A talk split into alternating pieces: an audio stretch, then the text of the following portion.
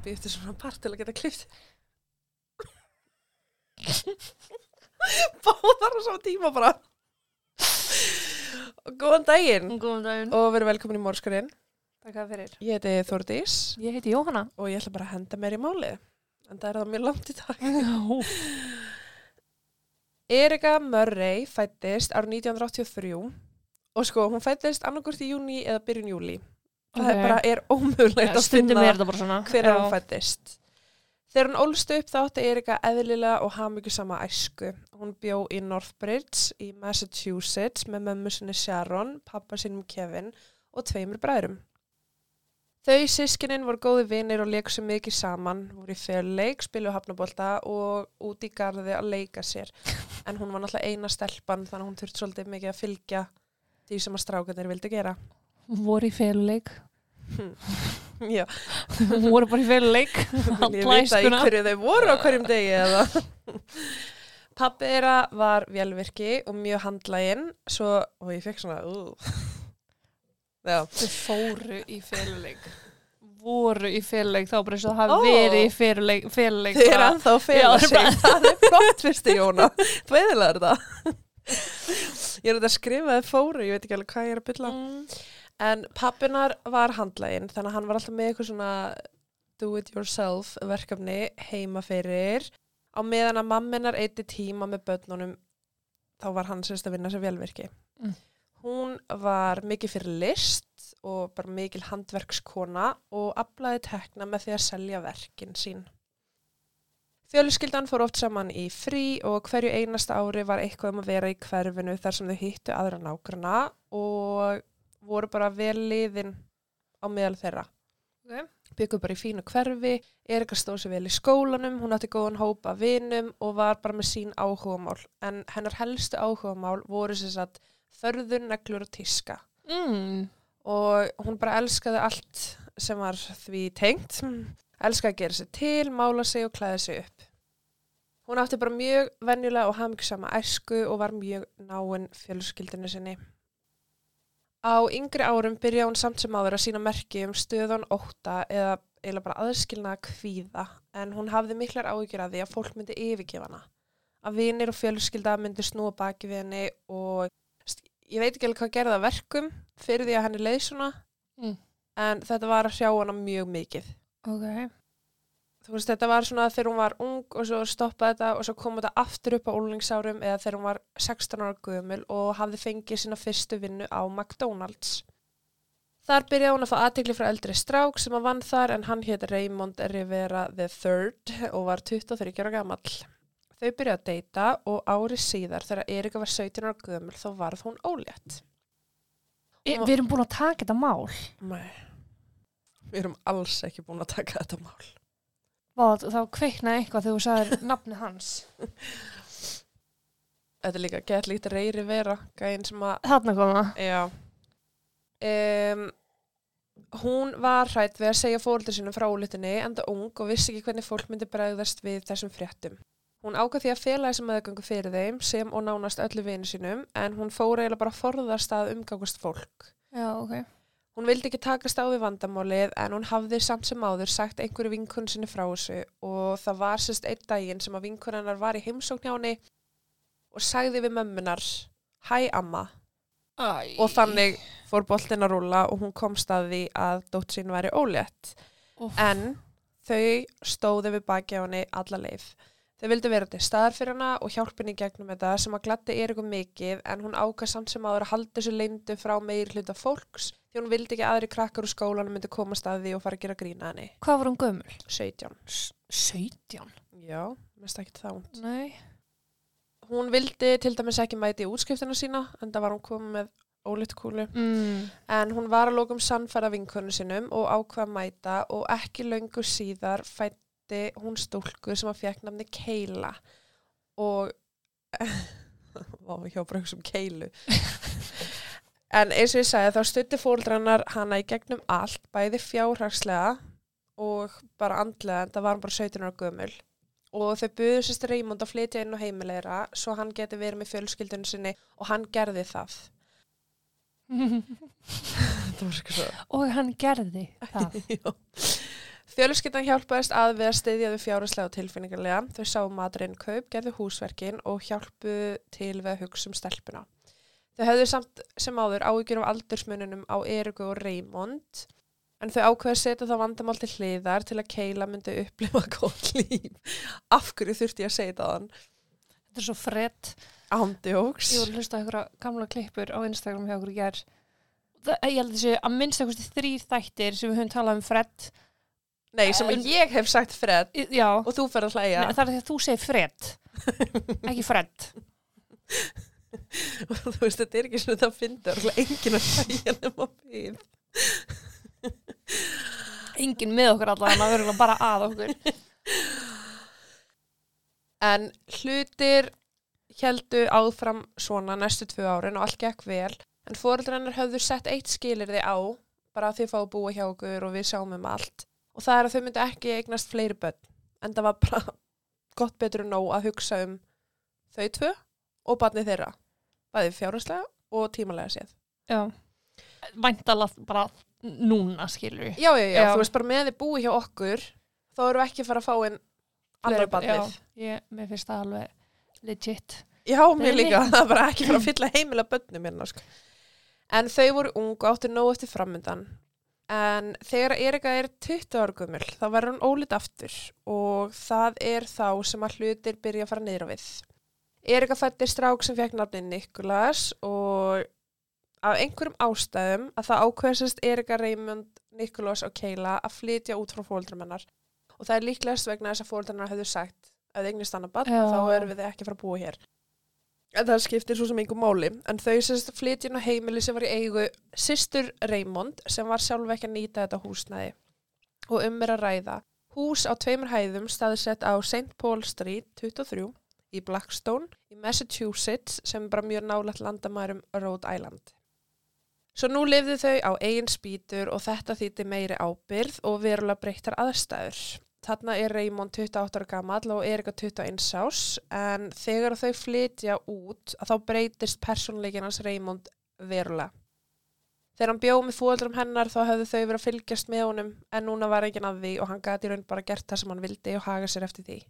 Mm. Þannig að hann var mjög stjórnsamur í garð Eriku og Erika hafði þetta mistuðning fóreldra sinna, þú veist með að passa bönnin, hjálpa til og allt svo leis og hann fór alveg bara svolítið að nýta sér það. Hann var eiginlega bara dæmi gerður óbelsmaður. Hann vildi einograna, hann vildi að hún væri alltaf heima með börnin, hann sannferða hann um að hætti vinnunni sem að þýtti að hún var einni fjáraslega háðunum. Mm.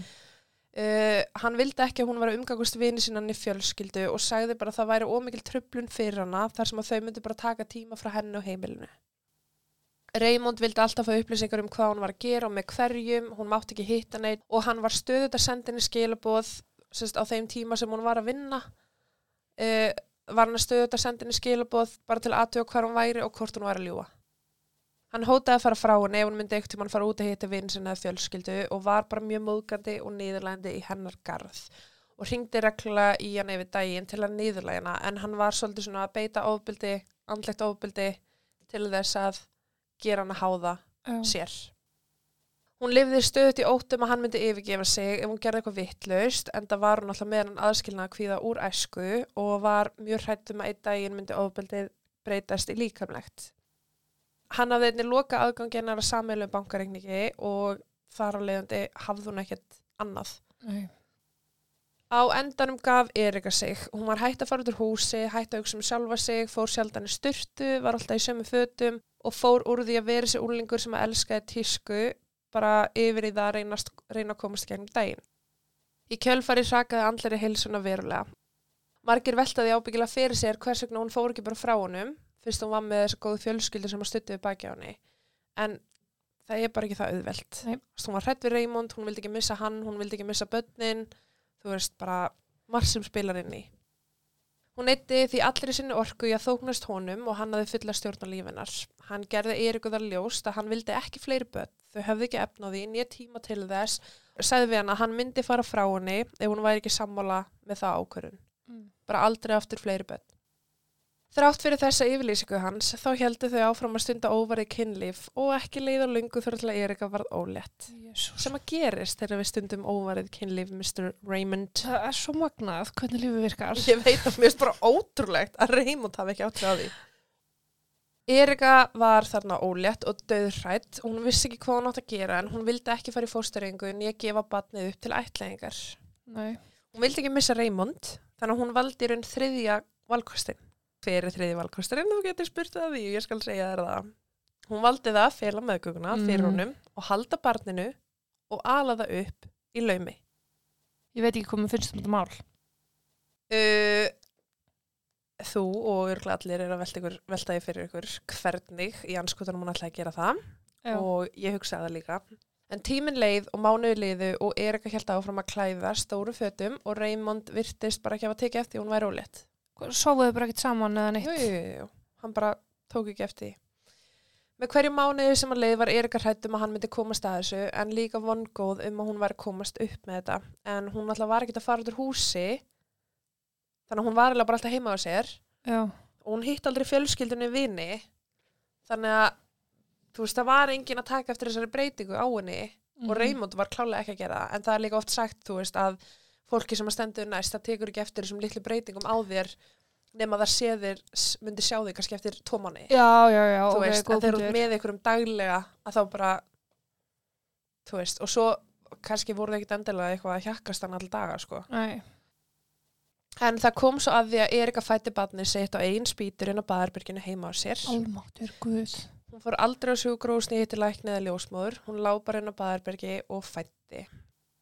Fyrst hún var komin svona langt með planið sitt að ákvæða hún að halda í leindu. Svo hún setti barnið inn í herbergi á efri hæðinni en þetta herbergi var bara eitthvað svona eins og geimsla sem að bara enginn notaði og enginn fór í. Bara lítið herbergi. Dagar, vikur og mánuður liðu og Raymond tók ekki eftir því að það væri bara allt í einu auka barnin á heimilinu og börnin tvö, Keila og Nikolas, þau tóku heldur ekki eftir því sem er bara ótrúlega eitt og sér að hugsa til þess að þú ert með unga barn inn á heimilinu sem að grætur og öskrar Mm og þarf mat og eitthvað og það bara tók enginn eftir neinu.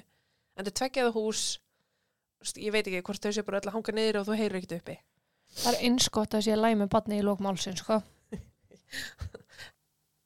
ok, það er samt eiginlega ekki hægt að segja það að þau tók ekki eftir neinu Sest, með tímanum þá byrjuðu bæði börnur og Raymond að taka eftir einhverjum svona öskrum og gráti hér og þar á heimilinu og þegar Erika var spurð úti að þá hunsa hún ofta spurninguna eða sagði að hún var að passa fyrir vinkunum sína og það var einhvern veginn bara svona já ok, flott Og enginn að pæli að badni getur mögulega líkst.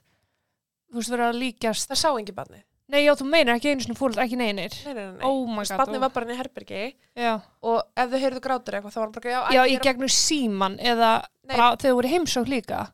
nei, bara Raymond heima á sér Já. og börnin þau voru bara eitthvað, hei mamma, akkur er eitthvað grátur hérna?" hún er eitthvað, já, ég er að passa fyrir vinkunum mína ekki verið spáðið því, Já, þannig að það fór ekki að tjekka að badninu, nei nefnum bara hún einn. það var engin sem fór að sjá barnið Shit, maður. mm Erika heldur áfram að ala þetta barn upp í laumi í herberginu á efrihæðinni og Raymond og hún halda áfram að stunda óvari kynlíf.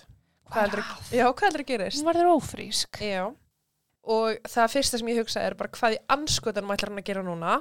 Hvernig ætlar hann að ala upp annað barn í laumi? Á að segja mynd taka eftir en eins og ég segi, Erika var hætt við Raymond og hún var hætt um hann myndi yfirgefa sig ef hann kæmi stað þessu.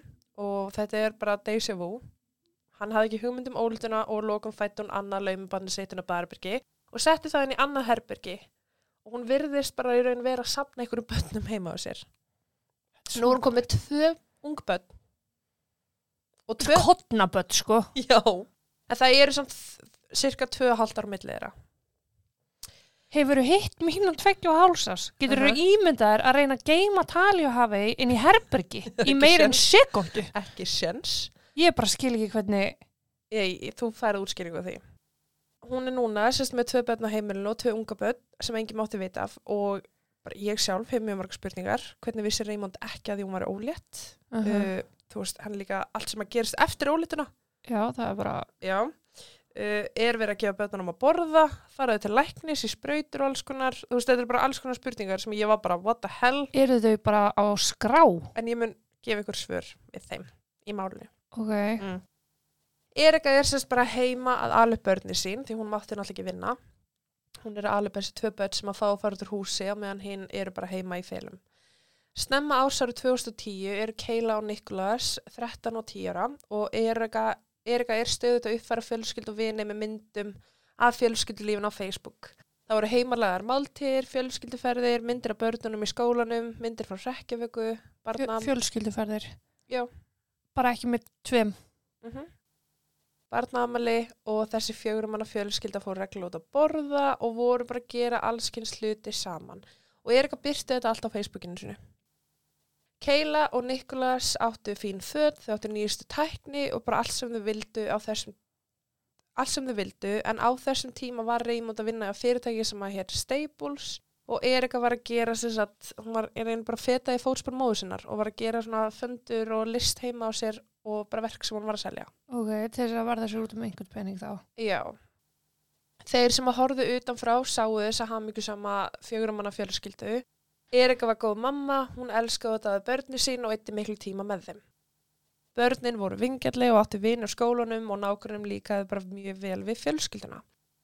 En við skulum ekki gleyma því að það eru tvö börn inni í herbergi á annar hæð á heimilinu á meðan. Raymond var samt sem aður enn mjög stjórnsamur og var að beita Eriku andlegu ofbeldi. Þess á milli var hann einnig að rækta gras og var að selja það frá heimilinu sinu. Dásamlegt. Fjölskyldan gætt haldið lindamálum vegna þess að nákvæmnar vinir að aðrir fengu ekki að koma í heimsótt til þeirra og Raymond hafði bara alltaf sagt gestir kom ekki til greina og þess vegna hafði Erika ekki hitt neitt í langan tíma þar sem hún var bara alltaf först heima með börnin.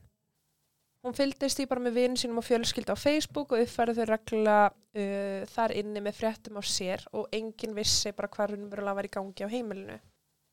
Svo er við komin að 27. ágúst árið 2014 en þennan til þennan dag ætlaði Erika að fara út og vera heiman með dóttur sinni Keilu sem var bara mjög sjálfgæft en það fór hún alltaf aldrei út úr húsi. Uh -huh. Raymond var í vinnunni og því þurfti einhver að passa Nikolas á meðan þær voru í burtu þannig að hún fór til nákvæmna síns Betsy Brown og byður hann um að passa Nikolas en Betsy átti sjálf 13 ára strák og voru þeir bara góðir vinir og leiku sér reglulega saman. Nikolas og sonur Betsy. Nikolás væntalega orðin eitthvað ekki gammal þarna. Já, hann er, hann er 10 ára. Já, já. Betsy sagði að það var ekkert mál en það var hún vun að hafa hann í heimsókn en hún hafði samt tekið eftir í gegnum árin að sinninar var aldrei leift að fara yfir til Nikolas að leika og því voru þeir bara alltaf heima á Betsy Mm. þegar er, henni fannst það smá skríti en samþekti samt sem aðra að passa drengin og Erika og Keila lögðu á stað í syndag á meðan Raymond fór í vinnuna. Þeir vinir fór út á hjólubretti og spila fótbolta og Betsy ákveða að nýta tækifæri og farið til búð að meðan strákarnir voru uppteknir við að leika sér. Á meðan hún er í búðinni þá fær hún símtal frá síni sinum sem er bara mjög hysterískur og hún skilur alltaf hvað hann er að segja. Hann er ítrekkað að öskra og er ítrekkað að spurja hana hvernig þeir geta fengið börnin til að hætta að gráta. Og Betsy er bara eitthvað hvað börn er það að tala um og spyr svon sinn bara hvað í fjandar mann sé að tala um. Hann segir henni að þeir séu heima á Nikolas og þeir get ekki fengið börnin til þess að hætta að gráta. Og Betsy er bara mjög ringluð og skilur ekkert í þessu en það eiga Erik og Raymond ekki negin önnu börn en hún hefur miklar ágjur og ákveður því bara að bruna heim og skoða hvað er í gangi. Þegar hún kemur að innkyslinni þá hleypur hún að heimili Nikolas þar sem strákanir standa fyrir utan og eru greinilega í uppnámi. Hún hleypur hann að heimilið og vissi bara alls ekki hvað hún var að koma sér út í. En hún opnaði útidirnar og fann strax mikla saurlikt og miklu lykt, bara mjög yfirþyrmandi og gæðislega lykt. Hún leiti kringu sig og það var bara rusl og drasl út um allt og hún þurfti bókstala að íta sér í gegnum draslið til þess að komast inn í húsið. Inn á heimilinu sjálfu. Já. Bara hortir ástandi eða. Já. Og bara, sko, ég er ekki að tala um eitthvað smá rusl hér og þar. Það var bara rusla öllu gólfinu, óhrind laurtau, óhrind föt, það voru pöttur, það voru flugur, það voru maðkar. Það Ég var bara sá fyrir mér sko snirtilegasta heimili sem ég hef séð. Mm -mm. Og ég mitt að því að Raymond var stjórnsamur og var bara eitthvað, hei, uh, þú mátt ekki heita vinina þegar það tekur tíma frá heimilinu. Já, hvað var hann að gera heimilinu? Einmitt. Annað en auðvitað sinna. Sinna börnunum. Já, En það var líka mikil sörlikt og þetta var bara ógæðislegt og Betsy var bara hissa, hún hafi ekki kastað upp þegar hún gekk hún á heimilið. En eina sem hún var að einbynda sér að var þessi barnagrátur sem hún heyrði í. Hún fór upp á aðra hæð og heyrði grátur koma úr tveimur aðskildum herbergjum. Hún fór inn í fyrsta herbergið og þegar hún opnaði hurðina þá fann hún fimm mánuða gamla stúlku sem að öskra úr sér lungun á gólfinu. Stúlkan lá á dínu á gólfinu og var dínan þakin möðkum, pöttum, saur og þvægi og hún var það skítu að Betsy trúði ekki að það væri barn. Í öðru herbyrgi heyrði hún eitthvað barskrátur og fann annað barn, þryggjára gamla stúlku sem að lá einna á dínu, þakin saur og þvægi. Hún var svo skítug að ljóst var að hún hafði lengi vel leigið á sem sama stað í sama saurnum. Betsy var fyrir svo miklu áfalli að hún vissi í raun ekki hvað hún ætti að gera og það var líka bara rusl allstæðir sem herbyrgjum og þetta leit bara út eða svo ykkur urðunastæður. Hún hljóp til barnana og setti föti sinn á þau til að halda þeim hita, huggar þau aðeins og ringir í neðalínna. Hún byði þá um að koma undir eins og sagði þeim hvað hún hefði fundið en það var sérst, ekkert ramagn í húsinu og því var engin hiti mm -hmm og Betsy vildi helst ekki snerta börnin því hún vissi ekki hvort þau væru með sár eða eitthvað, þú veist, hún vildi bara ekki gera neitt. Þannig að hún var bara að reyna að halda rósinni og hugga þau með því að spjalla við börnin þar til að lauruglan myndi mæta svæði Lauruglan kom fljótt og þeir eru mættu þá sjá, sjá þeir það sama og Betsy hafi sagt þeim frá. Það var í raun ekkert sem að hefði getið undirbúið á undir hyllingin sem að beði þeirra inn á heimilinu Lauruglu þjónar hlupin á heimilið og fundi börnin tvö og komið þeim strax undir læknasendur. Og svo heldur áfram að fara gegnum eignina og það sem þeir taka eftir er bara ógef. En þú veist, ítrekka aftur, þetta er bara lyktinn, ruslið, pöttunar og bara allt saman. Og þú veist, þetta leit bara út fyrir allir nákvæmlega höfðu bara komið og kasta ruslinu inn á heimilið og bara, mm. Það var líka bara mikla til staðar, saur og þvag út um allt í þessum herbyggjum sem að börnin hefur verið í það voru einni blegjur þar inni og hrúan að þeim náði hátt upp í loft en alltaf hún gæti ekkert hendum inn í herbyrgunum voru einni ramagsvírar á víð og dreif sem var alltaf bara mjög hættulegt fyrir svona ung börn að vera kringum en ekki bara stelpuna tvær sem hafði fundist í herbyrginu heldur þetta líka hættulegt fyrir Keili og Niklas sem að byggu inni á þessu heimili mm -hmm. bara hvernig gæt fjölskyldan lifað Já. þarna Lauruglan fann einni rekturinn hans Reymond í kellarnum, vaskurinn í eldursunum var fullur af leirtegi og gott betur en það. Það voru óþvegin íllalíktandi fötutum allt, maðkar í hverju herbergi, nagdýr, skortýr, pöttur, flugur og bara allt saman og lauruglan gati ekki eins og opna eitt herbergina því það var svo mikið rusl inn í. Í herberginu þar sem að fimmona gamla stelpan fannst, fann lauruglan dauðan hund sem að lá bara aðna og hafði augljóslega verið inn í herberginu í marga mánuði hvert var að grenja það? Og nei, bara hvað með góður? Býtu bara, sko. Lauruglan fann einni kött á heimilinu sem var enn á lífi sem er bara ótrúlegt eitt og sér og ég mun aldrei skilja það. Ef ég skilja það, það var af því að það var bara uppáhaldið hennar Eriku, það var þessi köttur. En niður í kjallarnum var einni blotthánd hundur í rimlabúri sem var, sem betur fyrir á lífi en hann var mjög vanarður. Hann var hárlausum staðar með flær út um allan feld og var bara nánast við döðastir það var sérst bara ekkert verið að sinna svona hundi. Klukkan 6 þá kemur Erika heim á svo dóttur sinni en hún hafi ferið út klukkan 10 þennan morgun og hafi verið burt í 8 tíma og ætlaði sérst bara, hennar plan var bara að skilja bönnum eftir heimi 8 tíma og koma svo heim. Þegar Erika nálgast húsið virðist hún ekki vera mjög nexluð við að sjá laurugluna. Uh, hún virðist ekki hafa neinar áhugjur og er bara frekar áhuga laus með að laurugla sé á heimilinu.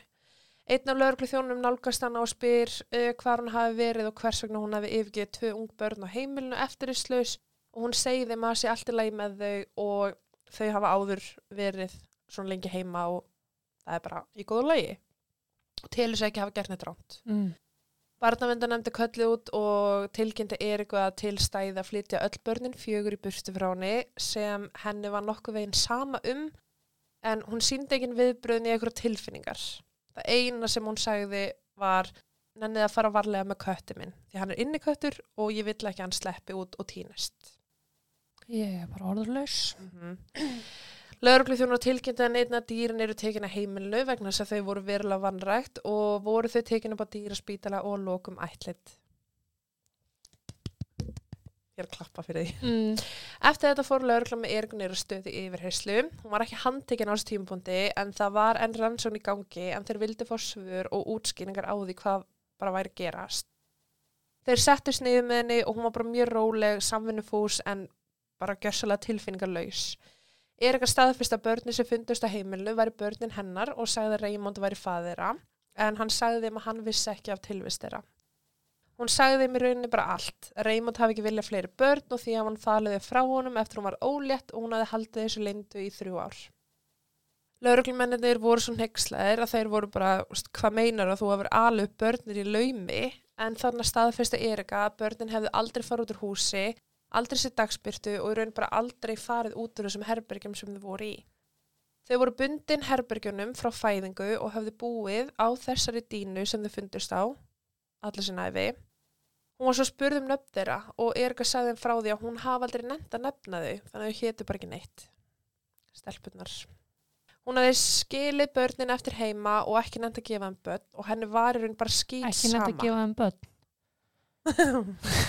nöfn og henni var í raun bara skýt sama um, þannig að þú veist í þessari skýslutöku er aðalega bara að vera að vitna í börnin sem babies þú veist, af því að það er ekkert að gera greina skil á þeim.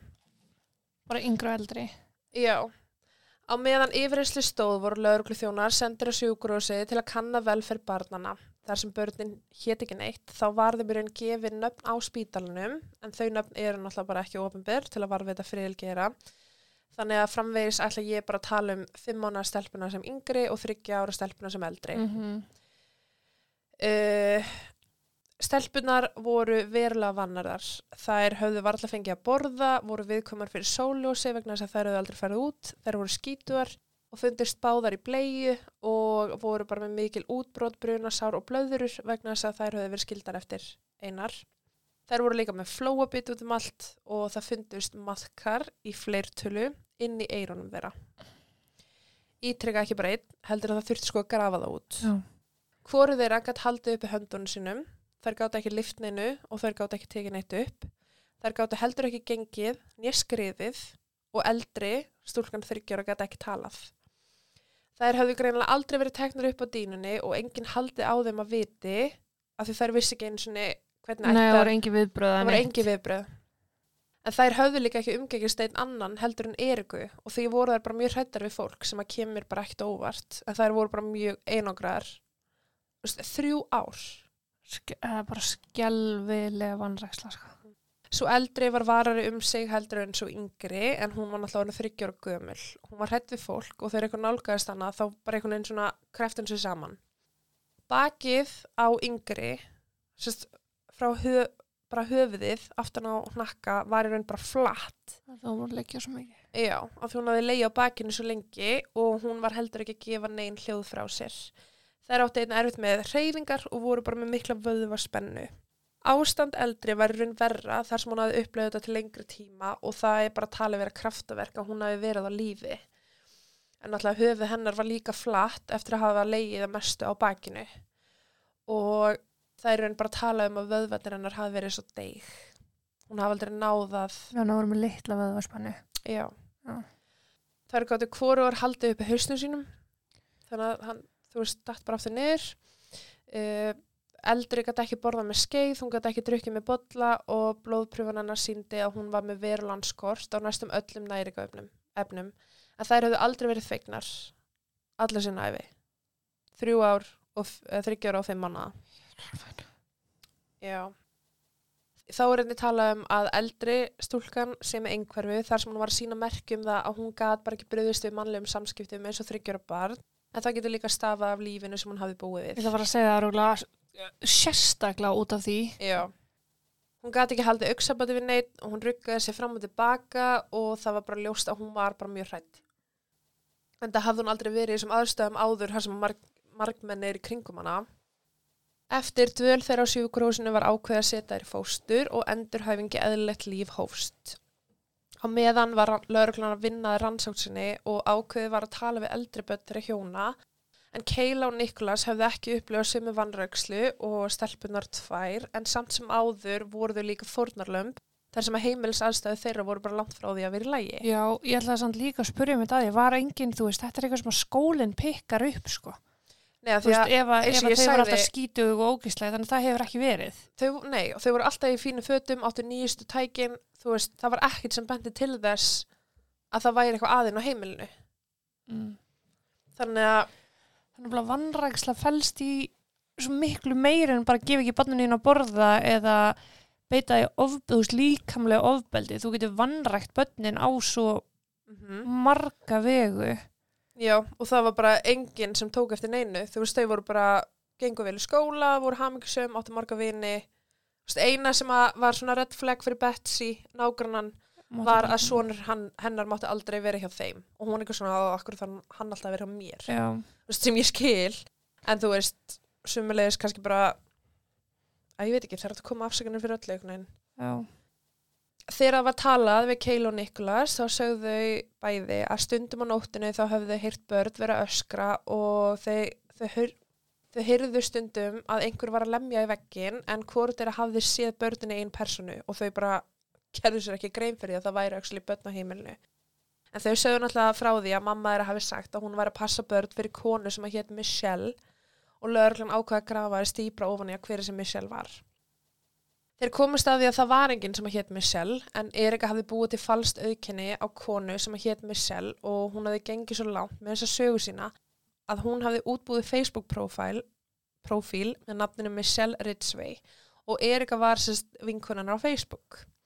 En myndirnar af þessari Michelle sem átti börnin var í raun myndir af Erika með hárkolli og glerugu og það voru allir bara eitthvað, já ok, hún er að passa fyrir Michelle. Þetta er Michelle. Já. það er ekki eins og lagt í Google Images Nei, það er bara, þú veist, þú setur á hárkvöld og gleru og tekur mynd og allt í náttúrulega Michelle. Núna vildi lauruglan tala við Raymond því það leita allt út fyrir að hann væri gjörsalega grunnlaus um að hann væri fjóru barna faðir. En hann ítrykkaði söguna sína með að börnin tilherðu Michelle og hann var bara eitthvað, kona mín á ekki spöld. Já, Hann sagðist bara ekki vita hvað var í gangi en hann var náttúrulega bara mjög stjórnsami maður sem vildi vita hverju stundu hvar Erika var og hvað hann var að gera. Og þú ert að segja mig það að hann hafi ekki tekið eftir þessu börnum. En hann var samt hverju einustu sekundu hvert gera, hvað Já. ertu? Og var alltaf að spá í þú veist þessu og líka bara það. Svo kemur Raymond heim og, veist, og hann er bara að taka þátt í því að hafa þetta drasl heima. Uh þú veist og hann, ég, ég, ég skil ekki sko. Skil ekki. Nei. En lögreglan spurði hvort hann væri faðir þessara barna og hann harnitaði fyrir það en DNA síndi fram á annað og sannaði að hann var faðir þeirra. Í skýrslutökunni var hann í raun bara að reyna að samfæra lögreglunum að Michelle, vinkon Erik og ætti þessi börn og hann hafi ekki komið nálægt þessu, sérstu vanrækslunni á börnunum. Já, Hann saði líka meira hluta tíma síns uh, sem hann var heima. Þá hafa hann eitt sérst, þeim tíma í kjallarnum og var ekkert mikið inn á heimilinu sjálfu. Þannig að hann vissi í raun ekkert hvað var í gangi þar. mm.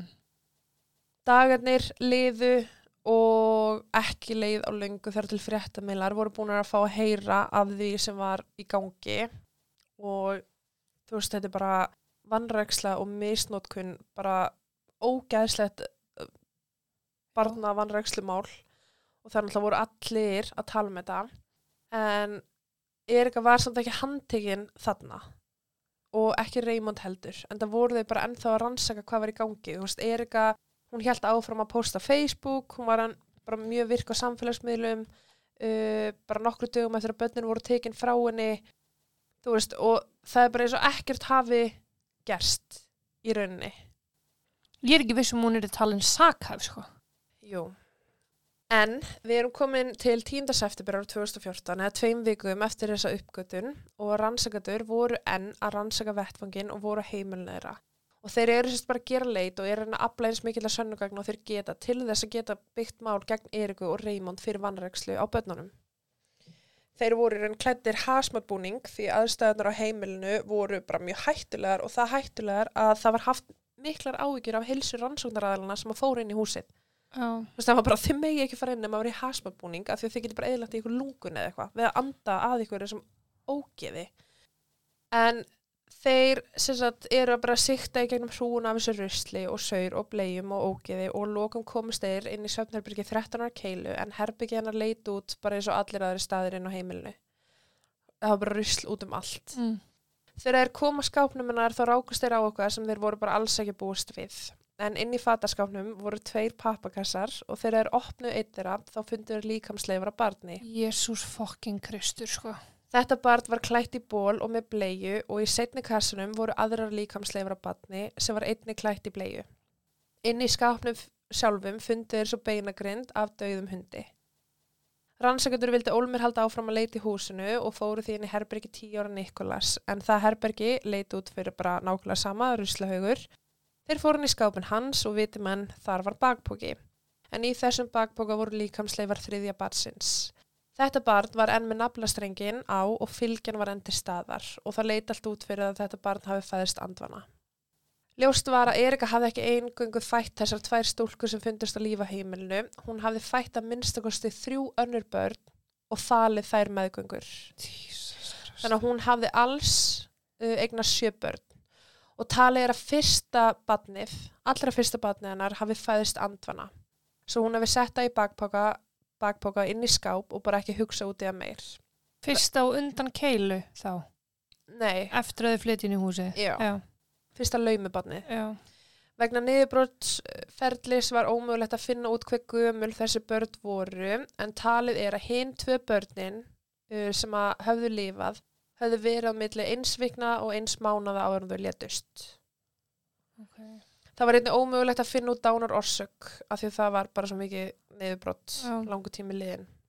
En henni að einhverjum ástæðum tókst að fela fimm meðgöngur frá fjölskyldinu sinni, sérstaklega Raymond, sem var greinilega riðlast á henni reglulega vegna þess að Já. hún var ólétt til skipti og það sorglega er að það er bara talið að ef hinn tvö börnin sem að fundi slátin í pappakassunum ef þau hefði verið fætt á sjúkrúsi þá er mjög líklegt að þau varu líf í dag Mm en hvort sem þau létust vegna sjúkdóms eða vannrækslu vitum við ekki og munum aldrei fá að vita Nei. Eftir þessa skelvilegu uppgötun voru bæði Erika og Raymond Loxis handtekinn. Erika var ákjær fyrir tvær ákjærur um annarstegs morð fyrir börnin sem að fættust á lífi en létu lífið sérst, eftir að hafa Já. lifað og svo var hann ákjær fyrir fóstur dauða. Ok. Að hafa deitt fóstrið þá sjálf. Nei, sérst bara fyrir þessa vannrækslu sem að að verkum að barni lest fættist andvana. Já, ég veit ekki alveg af hverju það verið kærna fyrir það en Ekki nefnum sem talin hafa gert eitthvað Já. við barnið og hvað. mm En hún er einni ákjær fyrir tvær vannrækslur sem að ollu áverkum á börnum og fyrir dýranýð, en það voru náttúrulega Mm. tveir látnir hundar. Þegar að koma Raymond þá var hann ákjæru fyrir tvær vannrækslur uh, á börnum og fyrir kærulösa hegðun, fyrir tvö dýranýð og fyrir að rækta Mariana. En hann var ekki ákjæru fyrir morð eins og Erika, því það er talið að hann hafi ekkert með döða þeirra að gera. Mhm. Sem er samt sem að það fárulegt, hvernig við anskotanum vissin ekki að því, þetta eru fimm meðgöngur Mhm. ég, já, skilja ekki sko. Erik og Raymond voru bæði færið gæsluvarald þar til þau byggðu réttaralda en það tók fimm ár fyrir réttaraldin að fara fram svo í lok júni árið 2019 þá hófust þau loksins. Við réttarhöld Erikur reyndi verjandin að varpa ljósi á geðheilsu Eriku. Tala var um að hún hafi verið í klóm eigin mann síns alla æfi. Hann hefði stjórnað henni mörg ár og hún var mjög viðkvæm vegna þessa sem er ekki rand en það er heldur ekki afsökun. Mér, já, mér finnst það líka að vera að koma svolítið fram úr. Eitt bann, eitt laumibann. Já, þú veist. Þetta eru fimm. En líka bara, sorry, eftir fyrsta barnið, það er til pillan, það er til likjan, það er til, Mhm. En Raymond fór líka í vinnuna og það er safe havens í bandrækjunum já, að ástæðu. Mhm. Fyr, þú veist, þú getur sk- farið og skilja eftir bann í safe haven boxi. að það er málið, hún vildi ekki gefa, hún vildi Nei, ekki, veit hún vildi ekki gefa upp til Það er sem ætlingar. að segja, þú veist, hún er, hún er full meðvituð um hvað hún er að gera, sko. Já, já, já, 100%. Að því að hún sko. hefði geta bara farið með öll þessu fimm börn Já. inn á slökkustöð, á næsta spítala, lauruglstöð, Mhm. skiptir eru ekki í raun hvað það er, lögin í bandrækjunum verða alltaf mæður í þessum tilfellum, sko. Einmitt, all fjögur bönnin. Því Já, eitt náttúrulega, já, einmitt, en enga sér, ef hún gerði eitthvað við barni á meðgöngu skilur eða, þú veist, eitthvað, eða kom talið- ekki til bjargar, en þú, þú, það er, þú getur komast að hvort að barn hafi dreigð andan, sem sagt, Já, eða ekki. en já, en hún náttúrulega bara gerði ekki neitt. Og sko verjundinni reyndu líka að kenna ákvarðanatökunar um sem slá og grindi vistölu þeir sögðu að hún hefði takmarka getu til þess átt þessu aðstæðum og alvarleika máls hverju sinni. Sem bara stemmir ekki því þó svo hún hefði vannrægt börnin að þá hugsa hún samt sem áður mjög vel um hinn tvö börnin sín. Já, þú veist, eða skilur mig þú veist, þú getur ekki sagt að þú sért með lág greindivistölu og fattar ekki að þú ert með tvö börn inn í herbyggi sem þú ert að vannrækja þegar þú ert sem actually með tvö börn sem þú ert mm að sinna. -hmm. Erika þjáðist af þunglindi og hún var einnig greint með persónleika röskun sem þýtti í raun að hún gati ekki fundið laust á vandamálu sínum og forðast allt í staðin fyrir að takast á við hlutina.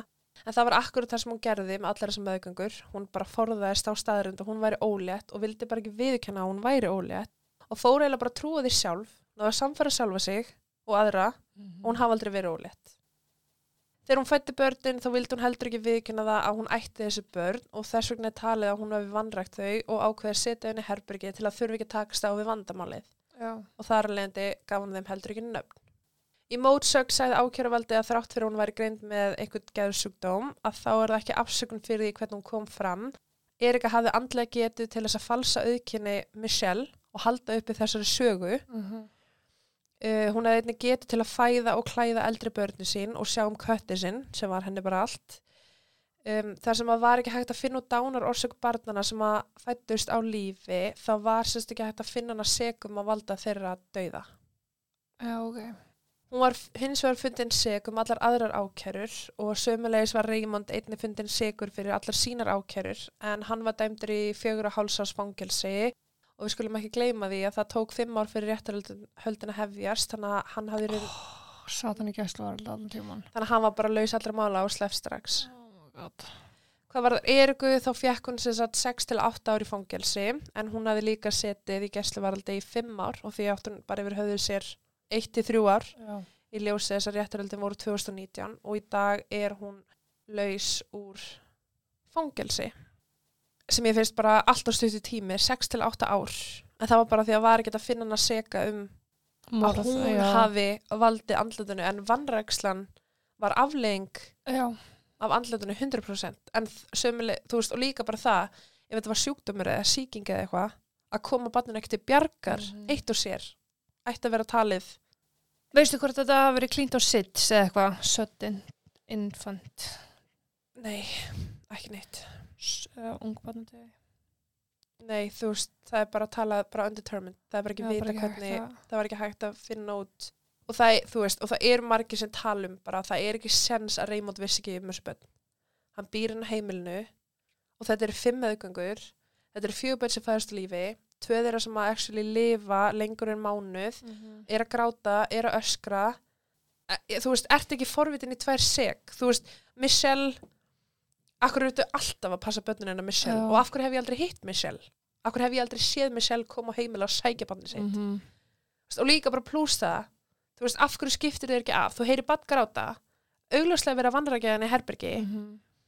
og þetta er barn, dóttir vinkonu konu hennar, Einmitt, hann er jafnsegur og vannrækslu sko. jafnsegur og þú veist, margir hafa veltið fyrir sér bara, og sagt bara, það er ekki sens í helvita hann hafi ekki vita af þessu. Hann hafi bara frekar hugsað að hann vil ekki skipt sér af þessu. Ég er, enda, ég er að sjá fyrir mér einhver dörg sem hann kemur heim úr vinninni, sparkar af skónum, heimtar að fá eitthvað að geta og lagst upp í sófa sko. Já, fyrir niður í kjallar að rekta grassi. Já, einmitt. Mhm. En eins og með Keilu og Nikolas, þú veist, að meðan þau voru ekki lokaðin í herbygginu sínum, eins og stelpuna tvær þannig að byggu við ömulegar aðstæður og bara urðu fyrir vannrækslu 100%. Um, þau tvö voru bæði send til þess að búa hjá ömmu sinni og afa og gáttu bara lifa nokkuð eðlulegu lífi eftir það. Já. fengu bara þá ummunum sem þau þurftu bara elskandi fóreldrafígurur og búa núna já þú veist bara búa núna í örgu uh, og hreinu umhverfi. Um, stelpunar tvær yngri og eldri um, Þær fóru- já það er náttúrulega ekki, ekki neinstar að tala um hvað það er heita af því það er náttúrulega bara þetta er 2019 Mhm. sem að það er sem sagt 3, 5, 6, 7, 8 hún er 8 ára árið 2019 Já. og 5 og háls árið 2019, nú 2023 Já. Fjör ár. já, 12 ára í dag Já. En það er talað um að þær voru náttúrulega bara spítalunum í langan tíma Mhm. fóru náttúrulega bara í endurhæfingu og meðferðir og alls konar og síðan fóru þær í fóstur uh, eldri, hún gat, eins og segja, hún gat ekki skriðið en eftir tvær vikur í þessu fóstri þá hafa hún lært að ganga og það er bara dæmum bara hvað ótrúleg hún er Já. Einu ári síðar heimsótti eldri heilbriði starfsmannin sem að meðhendla hana frá upphafi og hún hljóp til hana með stærsta brosa vör sem hún gat sem síndi bara hver mikið hún hafi bætt sig. Bæði með að geta gengið og geta hitt fólk og verið í kringu Mhm. fólk og knúsa fólk. En það er ekki miklar upplýsingar um yngri en ég held bara að hún hafi fengið sömu aðstóð og ummun, ummunun sem hún þurfti á að halda. En þær hafa sérst ekki farið í hendur ömmu svona afa. Þær voru sérst sendar í fóstur. Já. Og eru núna bara vonandi að lifa eðlulegu lífi hjá bara góðri fjölskyldu sem að er að hugsa vel um þær. Mm en ég meina greinilega þarna ár liðið og hún er strax búin að dafna mjög vel. Mhm. eldri stúlkan. Þetta mál er bara uh, Þetta er umulegt, sko. já, þetta, þetta er það. Þetta er ömurlegt mál og ég líka bara ég mun setja myndir þetta er sko Erika Hún lítur alveg út eins og svona fyrir mér. Já, og sko heimileira var bara ógæðislegt. Þú veist, þetta er bara það sem að börnin lifði við, unga börnin. Þetta er skjálfilegt, sko. Bara lyktin og miklan og allt Já. ógæðislegt. En já, herðu, ég ætla að segja þetta gott í dag og ég þakka fyrir mig Mm -hmm. og segi takk og bless. Og bless.